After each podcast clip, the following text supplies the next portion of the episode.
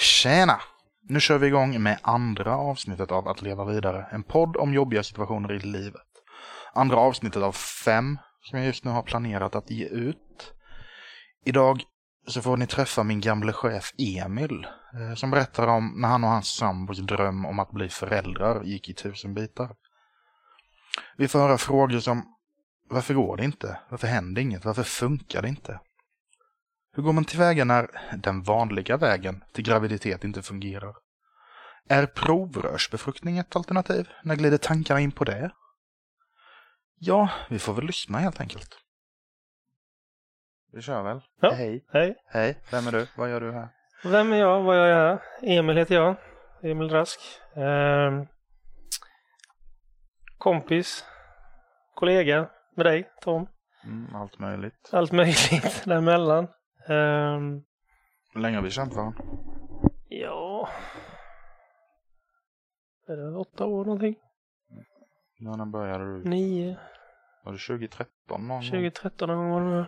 Ja, men nio, åtta, nio år. Ja. Tiden Och går. eh, tredje gången du är här. Ja. I denna lägenheten i alla fall. Just det, jag har bott på andra ställen innan. Ja. Nej, men eh, jag gör ju så här, så här ibland nu för tiden att jag pratar med folk om lite jobbiga grejer och jag tror det var jag som frågade dig om du ville vara med här. Ja. Eh, det är ju oftast är det ju de andra eller gästerna då som säger att jo men jag kan vara med. Sen hade jag inte så många så jag frågade dig. men jag har några till. Mm. Jag vet varför du är här, men de som lyssnar, jo de vet nog, de har nog läst någon, någon liten beskrivning till vad det här nu blir. Mm. Jag bara svamlar. Om jag dricker lite så kan du säga någonting. Absolut. Eh, nej, men anledningen till att jag är här är ju för att vi ska prata lite om eh, ofrivillig barnlöshet. Eh, och vad det innebär och känslorna kring det. Och, Ja, det är ju, det är väl mer utbrett än vad, vad man tror egentligen. Det är väl ett av all, alla de här tabubelagda ämnena. absolut. som man inte får prata om. Och innan vi går in på det, en annan grej jag tycker är fel ord att använda kul kanske. Men det är kul att snacka med en kille. För det är också tabubelagt att killar pratar känslor. Mm. Det, det, Det får inte hända, en kille får inte gråta. Så är det ju. Man ska ju alltid skaka av sig allting och säga att ja, men det är lugnt. Och det är vi väl duktiga på båda två. Ja. Och gömma sig lite bakom ett sken som kanske inte alltid är så ljust. Mm. Been there, done that, så att säga. Mm. Flertal gånger. Ja, men hur, eh, hur blir barn till höll jag på att säga. Det hoppas jag du vet. Ja. Men eh, Hur blir barn inte till? Ja. Eh, nej men eh, ja, ofrivillig barnlöshet är ju något som kan kärva i, i många relationer. Påverkar relationen extremt hårt. Eh, för mig att om jag inte ska ljuga nu, men eh, jag har för mig att det är ungefär 13 procent av alla som försöker skaffa barn som får gå i någon form av utredning för att det inte fungerar. Det är en relativt hög siffra. Det är ju det. Eh, och det man lär sig när man är mindre det är att det ska bara funka. Ja, Det är bara att göra det man ska göra så blir det ett barn. precis. Och man ska alltid skydda sig till höger och vänster med alla konstens alla regler. Och... Så har du otur en kväll Precis. så blir det ett barn. Det är ju mer det man pratar om, inte Inte... den andra sidan på Nej. myntet. Men ett mynt har ju alltid två sidor. Så är det. Och det är ju eh, kanske inte den roligaste sidan man kan vara med om. Just när man vill ta det steget in och starta familj och skaffa barn. Nej, och då... eh, Ja, jag ska inte berätta din historia, jag kan inte den. Nej, men var ska man börja? Men eh, När man Eh. får idén och vilja skapa familj. Precis. När man väl sätter sig i den punkten att man väljer att som par att man vill skaffa barn. ehm, Så förväntar man ju att, sig att det ska gå ganska så enkelt. Och man planerar ju lite därefter, tyvärr. Ja, Man hör ju alltid att det är Att det är så enkelt. Ja, exakt. Och man hör ju alltså folk som Oj, vi var inte ens med på det. Nej, vad hände ju? Mm. Ehm, eller sådana som eh, flera vänner som har skaffat barn som mer eller mindre ja, nej, nu börjar vi försöka och sen tar det någon vecka och sen så är det liksom färdigt.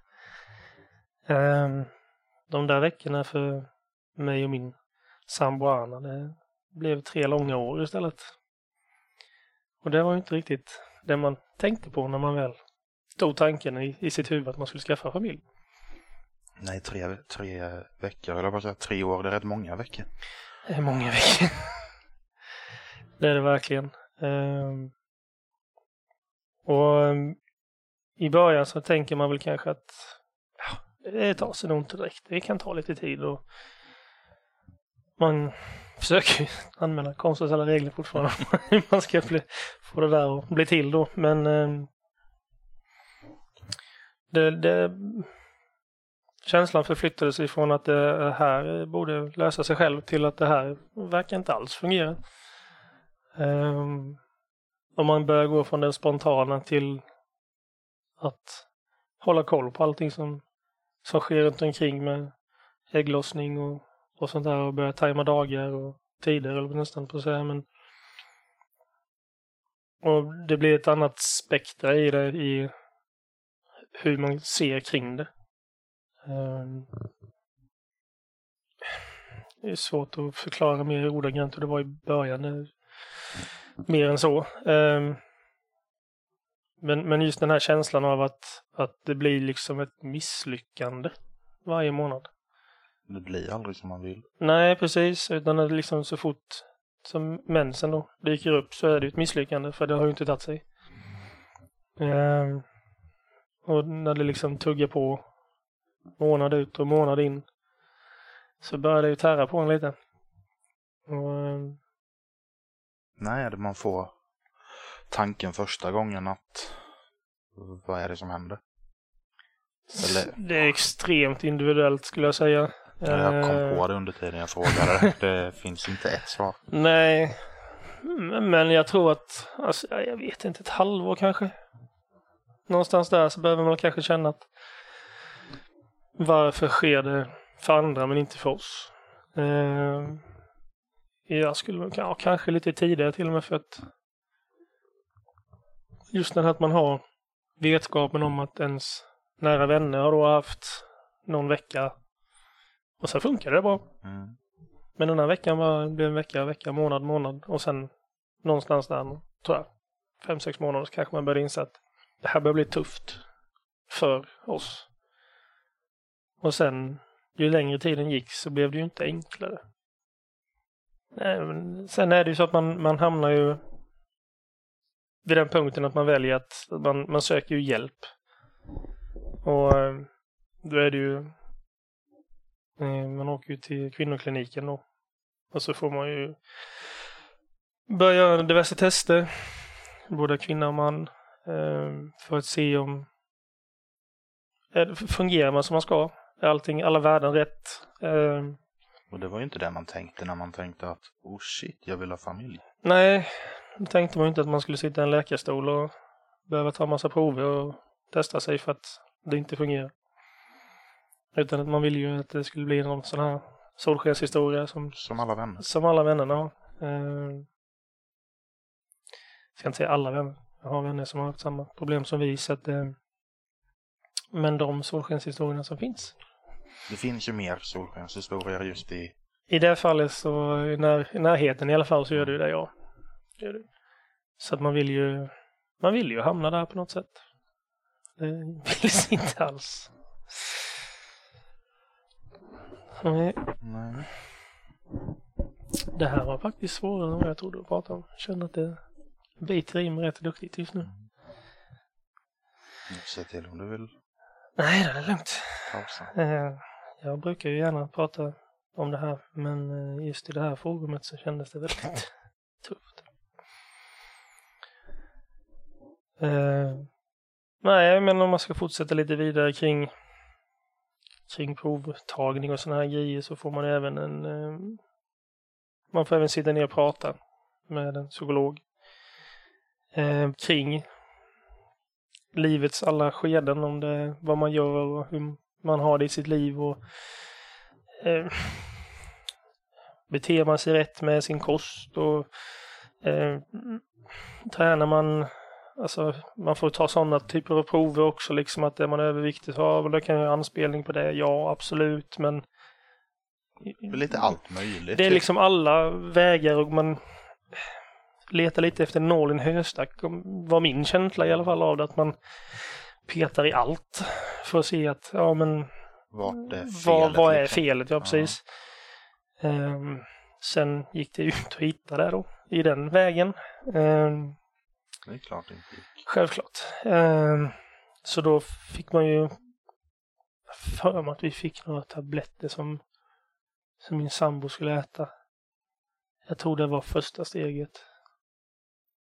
Som då skulle hjälpa till. Jag kan inte det tekniska kring det där rätt till 100 procent, men det funkade inte heller i alla fall. Um, och det övergick sedan till att man fick ta hormonsprutor då.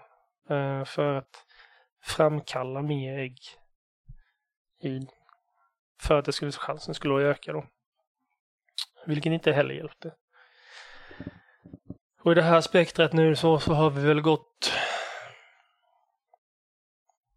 jag tror vi höll på i ett och ett halvt år innan vi sökte hjälp. Ett och ett halvt år med prover menar du?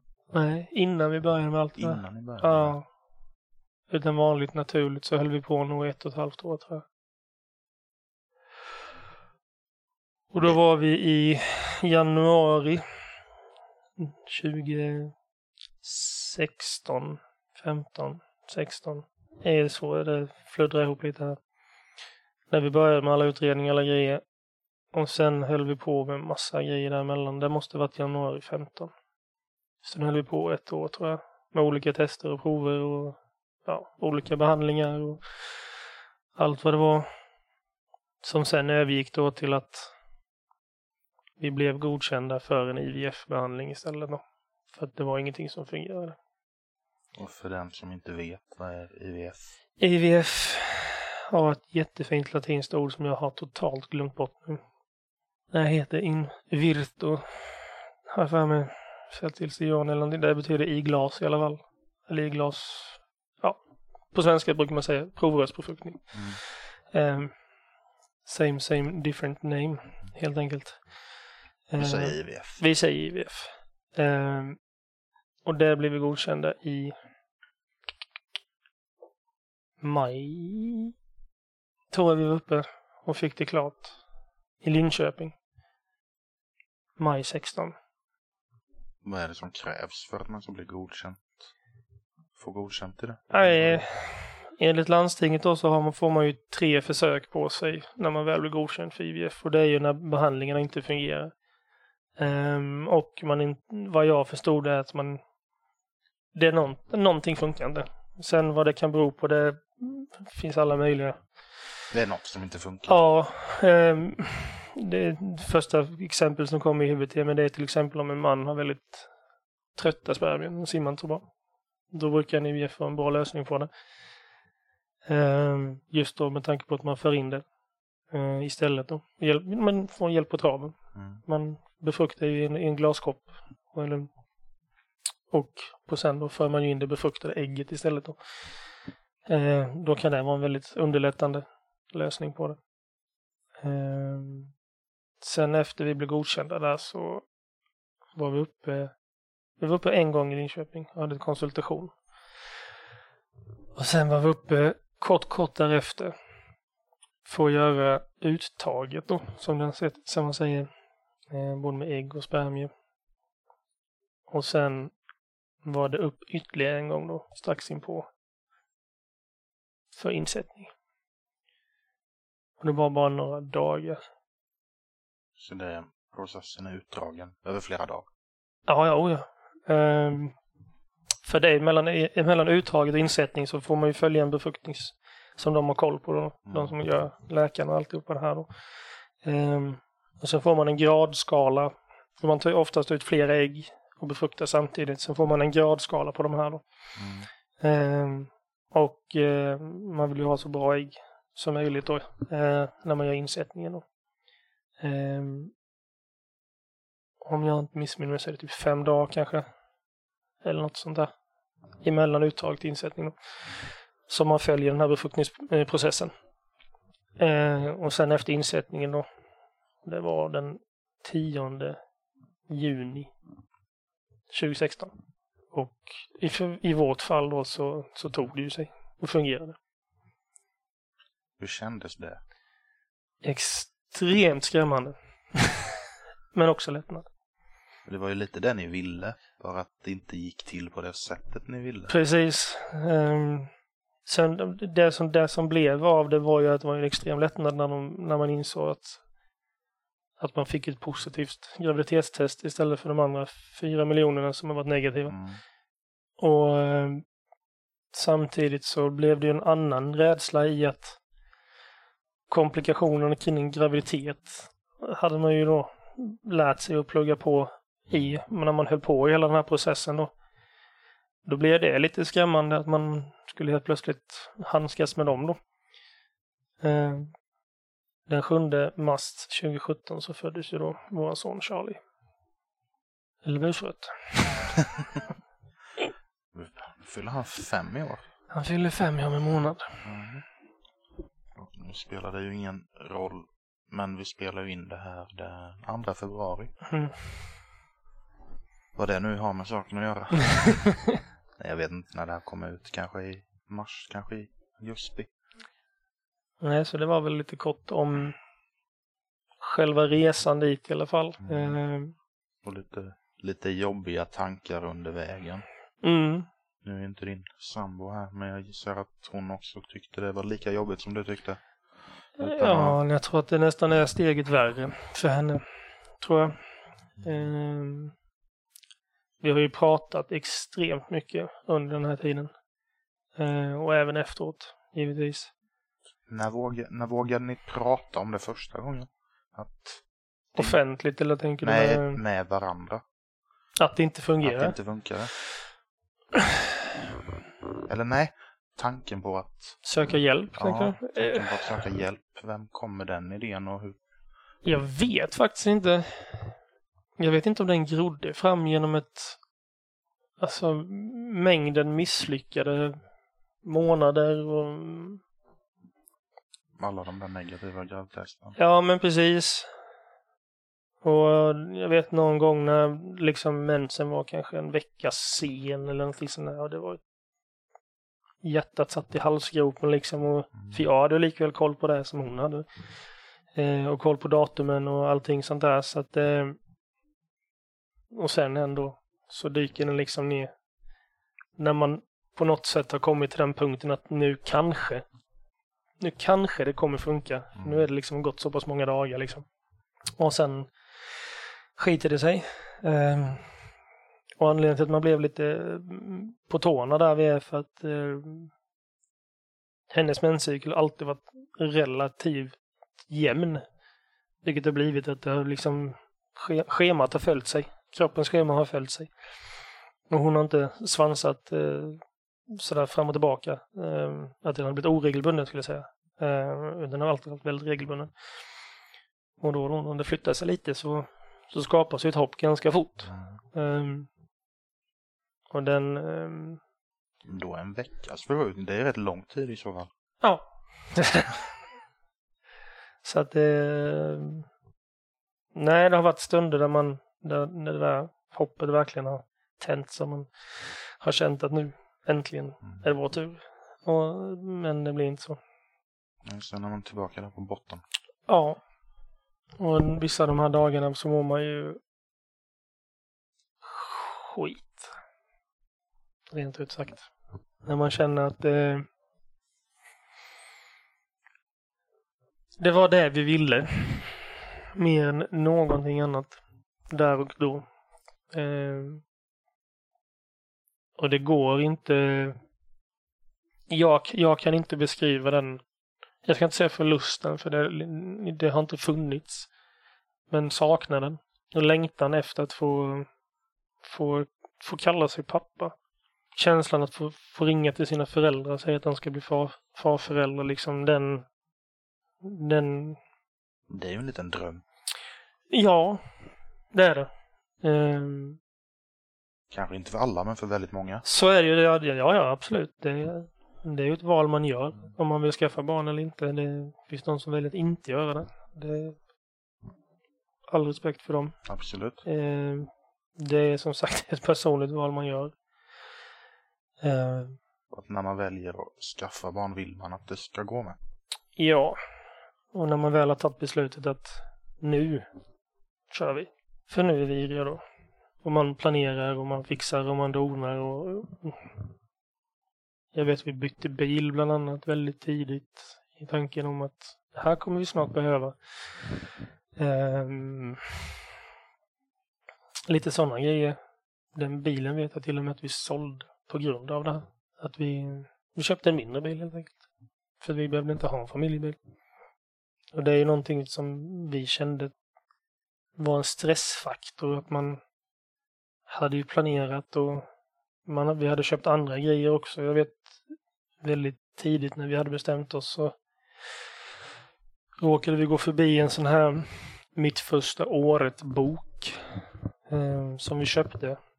Den boken har aldrig blivit använd. Jag vet inte ens om den fortfarande existerar i vårt hushåll. Den köpte ni 2015 eller någon gång. Nej, vi köpte den 2014 till och med tror jag. Någonstans där. Den där boken vet jag har skapat många huvudbryr och man har sett den och blivit ledsen och gråtit och Nej, den, där, den, den boken ger mig inga, inga trevliga minnen alls. Bilen gick ju ändå att sälja, men eh, det, slippa se den. Men eh, på något sätt så kunde man inte slänga den här boken heller, vad jag kommer ihåg. Men den sitter där inne. För snart kanske det går, tänker man. Antar jag. Precis, utan man hoppas ju. Mm. Som sagt, hoppet är ju den sista som överger en och det är ju det, det är djupt rotat med hopp och längtan. Det är så djupt rotat. Um, likväl som saknad. Också djupt rotat. Ehm, men jag, samtidigt så tror jag saknad och längtan många gånger kan, alltså som i vårt fall så kändes det nästan som att det blev samma sak. Att man saknade att barnet aldrig kom lika mycket som man längtade efter det.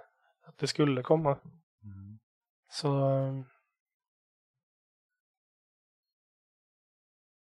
Nej, fy fan. Helt osäkert. Nu, nu har man ju liksom... Han fyller fem. Vi pratar att det är åtta år sedan som det började liksom och det känns så långt borta. Ja, Vem var du för åtta år sedan? Vem jag var för åtta år sedan? Ja, du. Vill jag inte veta det. Ja, det vet du. jag skulle säga att jag var nog mer risktagande för åtta år sedan än vad jag är idag.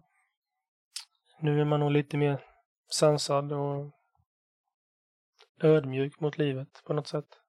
Och inser att man inte är oövervinnelig och saker och ting inte alltid går som man vill. Och sådär att man är respekterade på något sätt, på ett annat sätt. Den första bilden jag fick i huvudet när du sa att man inte är oövervinnelig. Det var ditt knä på jobbet. Ja, förbannade knät. Jag kan ta ner med vilken som helst. Mm. Nej, Nej. men eh, det blev en, det blev en liten unge till slut. Ja, det blev ett litet busfrö. Ett energiknippe utan dess like. Nej, den där lille, han, han som sagt han fyller fem. Eh, han eh, har ju förgyllt våran vardag på ett sätt som, som jag inte trodde var möjligt. Eh, jag brukar ha en, en liten rolig tes och det är det är ju svårt att, att visa med händerna när man pratar i i min mikrofon. Men det finns ett spektra mellan hur mycket man tycker om någon och hur mycket man kan ogilla någon. Och då brukar jag säga att ganska centrerat så är ens vänner. Man eh, tycker om dem väldigt mycket. Eh, men man kan inte bli jätte, inte så förbannad på dem utan det, det är ganska okej hela tiden. Eh, sen ökar spektrat när det kommer till en partner. Att ja, man kan bli rätt så förbannad på den människan, men man älskar dem ganska mycket mer än sina vänner också. Och sen finns det den tredje delen då och det är ju sina barn. Och det finns ju ingen man älskar så mycket. Men det finns inte heller någon som kan driva en så till vansinne som ens egen barn. Nej, spektrat typ som en cirkel då, det, det finns ingen ände på det. Ja, typ. Ofta så möts de. Så att jag visade med händerna. Eh, nej, vad mer kan man säga om honom? Han, eh, han är fruktansvärt nyfiken människa, precis som sin pappa. Eh, vilket givetvis är någonting jag älskar hos honom. Eh, han tar sig an nya utmaningar ganska så lätt. Han börjat med golfen. Eh, vi försöker. vi kämpar med det. Men det, det, det, ibland går det bra. Och ibland så tycker han att eh, det är mycket roligare att kasta en klubba än att spela golf. Ja, men jag håller med. Så då får man på något sätt svälja det bara och försöka göra något roligt av det. Det är inte alltid lätt. Eh, speciellt inte när man har en liten släng av kontrollbehov. Liten. Eh, Om man vill att saker ska vara på ett visst Ja. sätt. Eh, finns väl inte så mycket mer att säga om det. Mm. Sen drog du och din sambo ihop någonting Mm.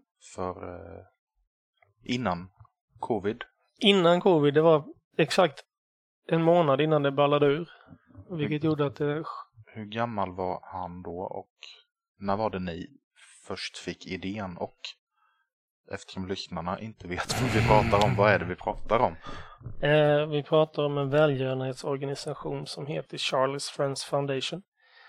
Eh, som vi startade i eh, bästa förmåga som lekmän och som, som, som vanliga människor. Att vi vill försöka hjälpa dem som, som inte har fått ett barn att bli föräldrar. Som jag nämnde innan så är det så att man får ju tre försök ifrån landstinget här i Jönköpings län. Eh, det är olika från olika landsting. Eh, Är det något man betalar för eller är de tre? De tre ingår ju i eh, det här att man, man får det helt enkelt och Mm. betalar ingenting för det. Eh, Mer än läkarundersökningar och sånt där då. I vårt fall så funkade det på första försöket. Men det gör ju också att de andra två försöken, om man nu så säga, brinner inne. Eh, vi kan inte skapa ett syskon till exempel till Charlie med de här försöken. Utan det går ju vidare till någon, att de lägger pengar på de som fortfarande inte Mm. har fått något barn då. Men det vi vill göra är att de som har använt sina försök och inte lyckats eh, och kanske då inte har de finansiella medel som finns för att göra ett privat försök så vill vi ju då försöka samla ihop pengar så att vi kan, kan stötta upp med den ekonomiska biten. Att, att ge någon en extra chans att få bli kallad mamma eller bli kallad pappa. För oss är det verkligen ingenting som är självklart. Men däremot är det också någonting som är jävligt värdefullt. Så det, det är ju drömmen att vi i alla fall... Vi sa att vi skulle göra ett tvåårsprojekt av det.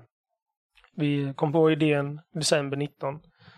Startade vår förening som vi då i, i juridisk term så är vi en cykelförening som gör det här då. Vi valde att vi skulle cykla diverse lopp eh, och promota oss den vägen. Eh, och sen då försöka skrika och synas och höras så mycket som möjligt i två år. Och sen skulle vi då lägga ner det eller gå vidare då. Mm. Eh, utan vi, vi vill göra ett, ett kort men ganska intensivt försök. Eh, att kunna hjälpa i alla fall en familj, eh, eller ett par, att bilda familj. Eh, så det har alltid varit målsättningen att kan vi hjälpa en och göra ett försök, då har vi i alla fall lyckats med att vara kanske en- medmänniska som bryr sig. Ni har gjort Mm. några riktigt glada. Ja, i alla fall gett någon en extra chans som de kanske inte hade haft annars. Om man gör ett sånt eh, privat försök, vad kan det kosta? Det beror lite på vilken region man bor i. Men jag skulle säga att snittet ligger någonstans mellan 38 till 40 000 kronor. Det är inte bara något man hittar. Så. Det är ingenting man plockar i bakfickan en, Mm. en tisdag och undrar var det här kommer ifrån. Ehm, utan för många är det ju en väldigt, väldigt saftig summa pengar. Och det, det som är med detta är ju likväl som att det är ett landstingsförsök som privat försök så ger det ju absolut noll garanti att det fungerar. Utan det här är ju ett försök, precis som alla andra. Då, och då känns det som ännu mer pengar. Ja, Ifall, ifall det inte tar sig. precis. Och det är ju många som känner att efter tre försök och inte har tagit sig. Vad är det som säger att det tar sig på försök 4, 5 och 6? Mm. Och då pratar vi kanske på 120 000 kronor. Ehm, och då, då känner man ju att det börjar skena lite. Ehm, men som sagt, skulle vi kunna hjälpa någon med ett försök som kanske inte hade haft råd med det annars, så hade vi varit väldigt, väldigt glada. Ehm, hade det lyckats, att det verkligen blev någonting, Mm. då vet jag inte om jag finner ord till vad jag skulle säga till den personen. Eller de, alltså det, Ännu mer lycka. ännu mer lycka. Det, jag skulle ta till den här klassiska eh, med muntorkan och gråtet tror jag. Mm. Eh, Det är okej. det är okej. Mm. Eh, Du berättade en gång, eh, jag vet inte när det var, men varför ni valde att ge det det namnet ni har gett det. mm. Varför vi valde Charlies Friends? För att vi vill försöka få fler till världen på samma sätt som vår son kom till världen. Och eh, det blir ju hans vänner. Hans IVF-vänner. Eh, Det tycker jag är en lite fin historia. Så att jag tycker, ja, det föll sig ganska naturligt av någon anledning. För nu är ju vi kanske då väldigt partiska i det här ämnet just att man, men IVF är ju något fantastiskt, att det fungerar. Och att det har blivit så pass, fel ord säga vanligt, men det funkar för så många som inte har fått, kunnat få barn innan och hjälpt så många. Tyvärr hjälper det inte alla, men det hjälper många. Jag vet, ni hade något cykellopp, eller lopp. Ni var med på någon cykelgrej. Jag vet inte om det var förra året eller året innan. Ja, vi har ju kört lite. Eh, vi har ju kört, eh, vi hade en egen cykeldag den eh, sista lördagen i maj. Som är då den ofrivilliga, eller det ofrivilliga barnlösas dag. Så då valde vi att arrangera en cykeldag där vi försökte samla så mycket folk som möjligt och utföra, utföra olika former av cykling, eh, både mountainbike och landsväg. Eh, Men även eh, att vi var lite barn som kunde cykla på sådana här eh, pump tracks kallas det, men lite små, små banor och sådana här grejer då de kunde cykla i. Och, eh, det var en väldigt lyckad dag. Vi var väl en 30-tal kanske i Värnamo. Sen vet jag att vi hade även cyklister som, som cyklade på, på annat håll i Sverige samtidigt under den här dagen då och gjorde det för, för våran skull och för alla ofrivilligt barnlösas. Att de ställde upp för deras skull och cyklade. Tyckte jag var väldigt, väldigt kul att se att det är så många som var inblandade. Mm. Nej, för det jag kommer ihåg från den dagen, det var att eh, vi jobbade ju på samma jobb då, ja det gör vi nu med. Eh, då jobbade vi på ett annat ställe. Och då var det en kollega till oss som eh, la ut någon story på nätet. Där hon berättade sin IVF-historia. mm. Och det är ju inget man går och tänker på i vanliga fall. Att, ja, men undrar vilka som har gjort IVF. Och undrar vilka som inte har gjort det.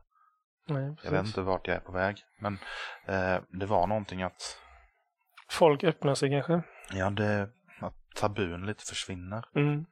Att det är klart man vill att det ska funka på det riktiga sättet. Om Mm. det är rätt ord. Eh, men om det inte funkar, men det funkar på IVF. Man blir väl lika glad för det. Just, Absolut. kanske inte just där och då när man fattar att det inte funkar. Men när man väl har den där lilla produkten i. Det spelar ingen roll. Det, eller jag vet inte. Jag har aldrig fått Nej. barn på riktigt, eller vad man säger. Eller säger. Nej, nej. Men eh, barn på naturlig väg. Det jag ändå Eh. ville säga var att en kollega la ut att det här är min IVF-historia.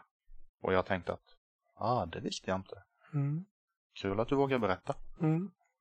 Det var det jag ville säga, men jag drog ut på det lite.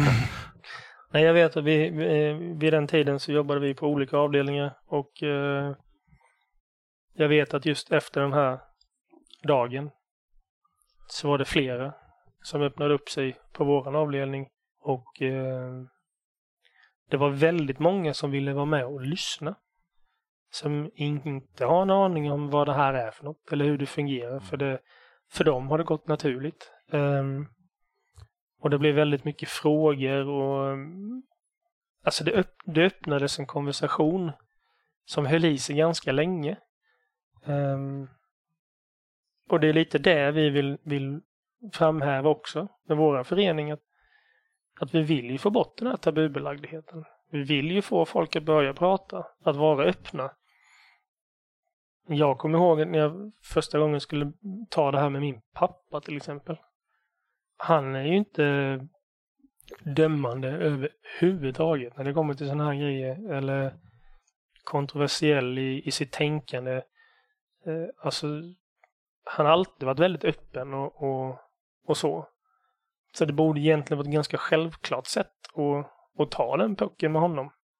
Men jag vet att jag kvävde mig själv många gånger genom att börja på något sätt och försöka få fram någonting men, men det gick liksom inte. Eh, det var, det var väldigt svårt att liksom ta steget att öppna sig och säga att det, det går inte. Det, det kommer inte gå. Varför? Jag vet inte. Vi har inga svar. Ehm, det blir en sak om du får en diagnos att det här är felet. Från proverna liksom. Men när, när de finner nada. Vad, nej, men vad, vad, vad kan det vara då? Uh, man liksom börjar nysta i det här och liksom, det som jag sa innan, man letar efter nålen i höstack. Mm, börjar gissa uh, sig fram och ja. överanalysera allt. Uh, ja, det gör man. Så det... Nej, var var vi någonstans? Nu tappade jag bort eh, Du skulle berätta för din pappa. Just det. Ehm, men, men när, det, när, jag, när jag väl tog det steget så var det liksom mer att... Ja, okej. Okay. Det var liksom... Jag kanske hade förväntat mig få lite, lite motfrågor eller... Eller alltså, jaha, vad är nästa steg eller alltså sådana här saker då. Um, men det, det kom aldrig någonting. Och um, min pappa är för övrigt med i, i um, styrelsen för Charlies Friends Foundation också. Så att uh, nu för tiden är han väldigt insatt eh, i det här. Men eh, just i den situationen så vet jag att vi började nysta. Vi satt en kväll och det var lång, långt senare. Eh, detta var väl, jag tror till och med detta var efter Charlie var född. Att vi satt och småtjötade lite och, så, och sen så kom det här på tal. Eh, och då frågade jag liksom att varför du ställde aldrig några frågor om något. Det var mer liksom okej. Okay. Och då eh, fick jag svaret tillbaka att eh, jag vet inte vad jag ska fråga. Jag vet inte ens var jag ska börja. Och eh, det är ju en sida man kanske inte riktigt har sett heller. För att det är tufft att berätta något sånt här. För att man känner sig misslyckad. Det känns som att man Eh, man är inte eh, hel som människa på något sätt för att man kan inte fortplanta sig normalt. Men samtidigt så där och då någonstans under den här konversationen med min, min pappa då så, så tror jag att jag valde någonstans att det här får inte bli tabu för mig. Jag måste prata om det här för att om jag bara bär det här inom mig så kommer jag bara bli för, förtvivlad. Um, och då kan du ta sig illa på annat håll. Precis. Ehm, så den här konversationen om IVF, Charles Friends, hur vi har mått eh, vad som har skett under tiden, eh, hur utredningen och sånt har varit. Eh, efter det så har jag nog talat ganska vitt och brett om det. Eh, och det kan väl ty sig lite i en självisk tanke att det är någon form av självläkning och förståelse i det. Men samtidigt är det också för att man, man vill inte att folk ska vara rädda för att fråga. Nej, frågar man inte så får man inte veta. Så är det ju. Um, fråga hellre en dum fråga än inget alls. Ja. Eller, uh, det finns inga dumma finns frågor. finns inga dumma frågor. Absolut inte. Ehm, Jag känner igen mig där. Det är just det här med att, uh, ja, att prata om grejer. När min mamma gick bort, det var prata, prata, prata, annars blir det bara dumt. ja, alltså man, jag tror att man, man det, det är ett lätt sätt att självläka lite. Mm. Eh, och skapa förståelse för sig själv. Eh, man lär sig någonting. Mm. Man lär sig att folk kanske lyssnar mer än vad man tror. Det lärde jag mig. Men det är också väldigt viktigt tror jag att man mm, även om man ställer, alltså man, man, jag tror inte man kan ställa för många frågor till någon som har gjort en IVF som på något, alltså som är färdig, eller vad man ska säga, som har barnet och, och den lyckade vägen så att säga, det är klart. Mm. Som till exempel i vårat fall. Ehm, däremot tror jag att om det är någon som är mitt uppe i det så kan det fortfarande vara extremt känsligt.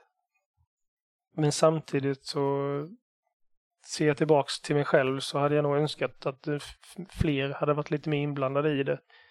Ehm, för att få lite avlastning med känslor och, och sånt.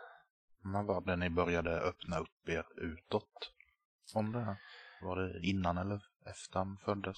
Nej, det var innan. Ehm, vi började nog...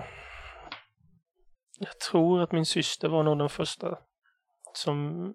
Jag vet inte om det var jag eller min, min sambo som pratade med henne. Men det hölls väl däremellan ungefär. Rätt så länge. Och sen vet jag att ja, mina föräldrar fick ju reda på det då.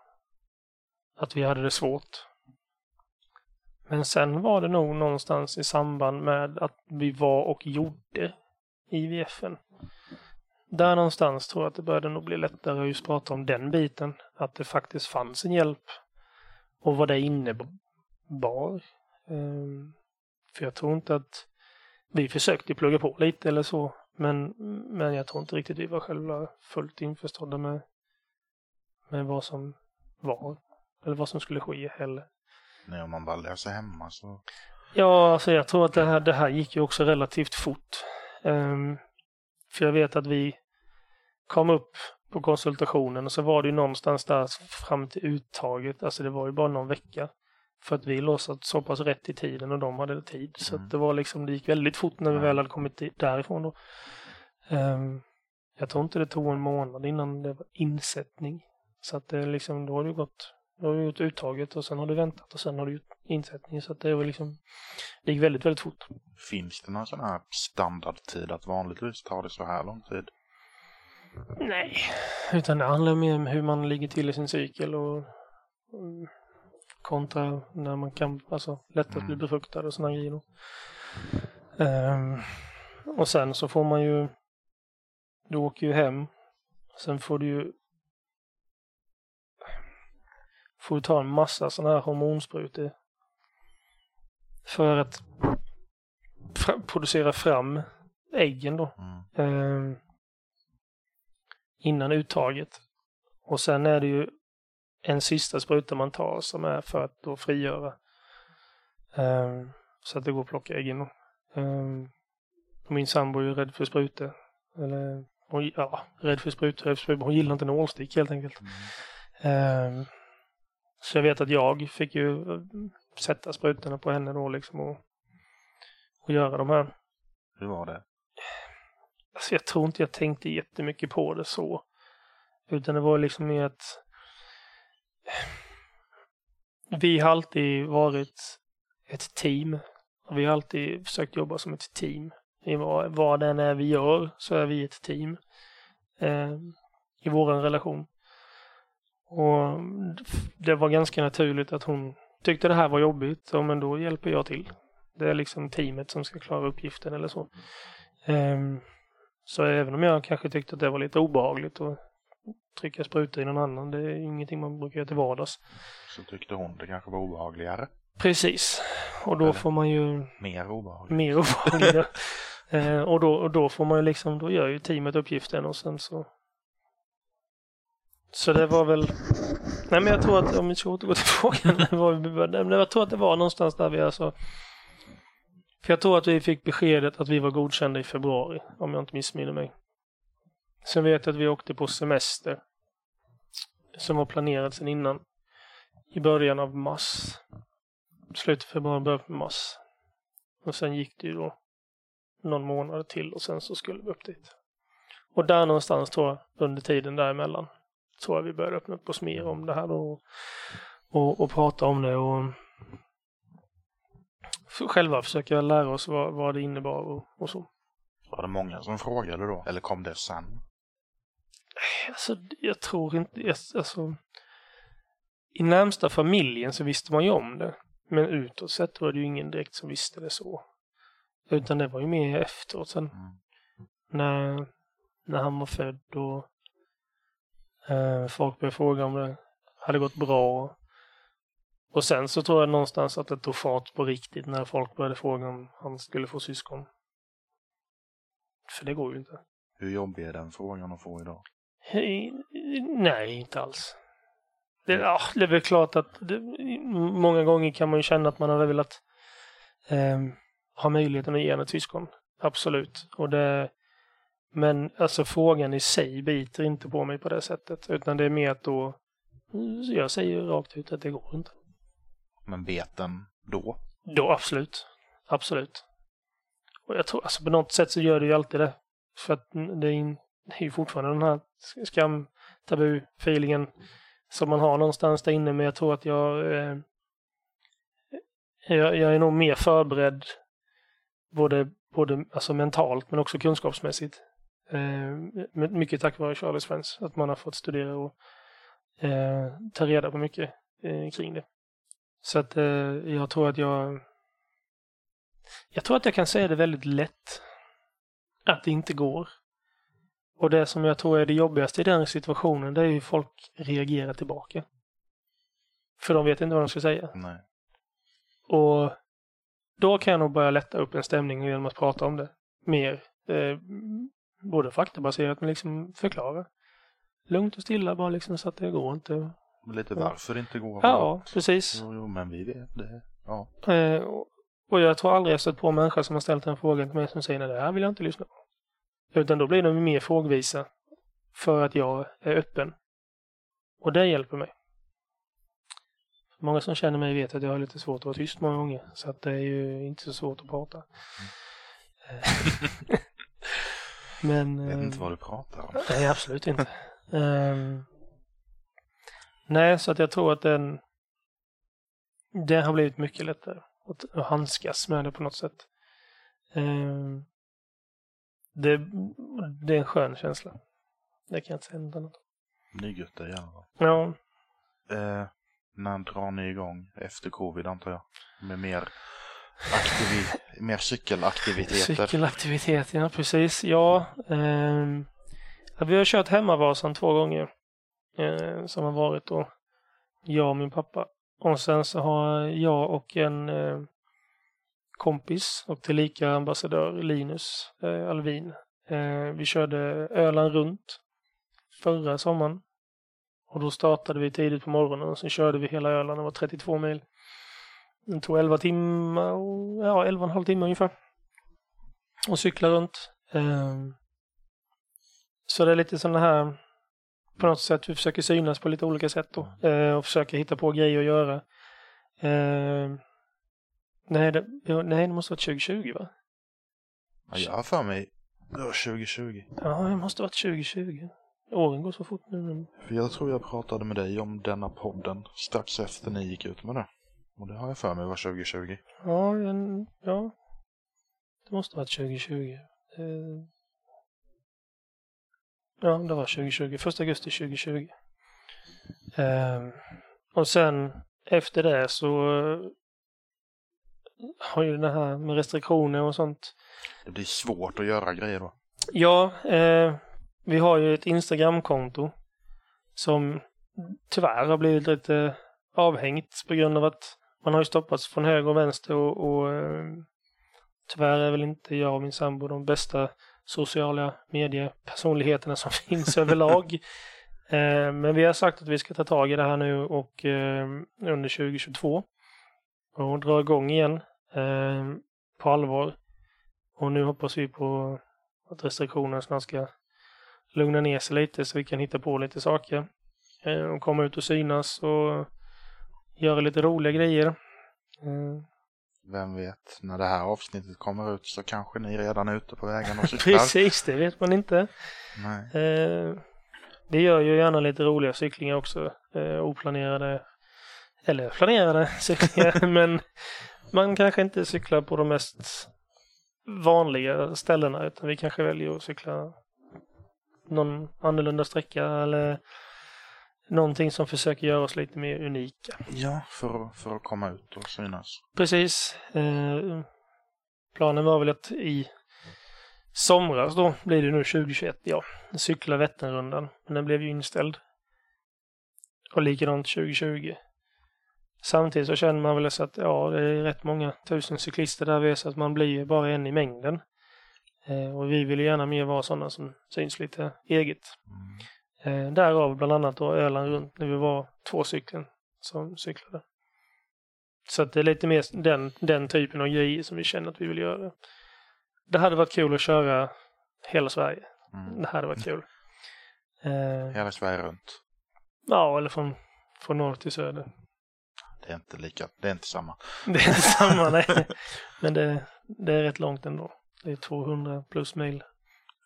Ta några dagar att Ta cykla. en semester. Ta en semester, ja. Mm. Jag vet inte, rekordet är väl någonstans på mm, 70 timmar eller någonting sånt där, på cykel. 70 timmar. Ja. Det är ju sån här riktiga, riktiga frågor. Slår ni det, då kommer ni att synas. ja, det lär vi inte göra, det kan jag lova. Om, eh, om man vill komma i kontakt med Charlies Friends Foundation, Mm. vart hör man av sig då? Eh, Du nämnde att ni hade Instagram, men du sa inte vad kontot hette. kontot heter Charles Friends Foundation. Likaså finns vi på Facebook. Eh, och har vi några frågor så är det bara att skicka ett DM. Så försöker vi svara upp så bra vi kan med de frågor som finns. Och är det något annat man vill komma i kontakt med, hjälpa oss med något. Eh, det behöver ju inte vara en direkt sponsring kanske, men utan vara att man har ett event som man vill att man ska besöka eller ja, vad som helst egentligen kan man ställa frågor om. Högt till lågt så finns vi där.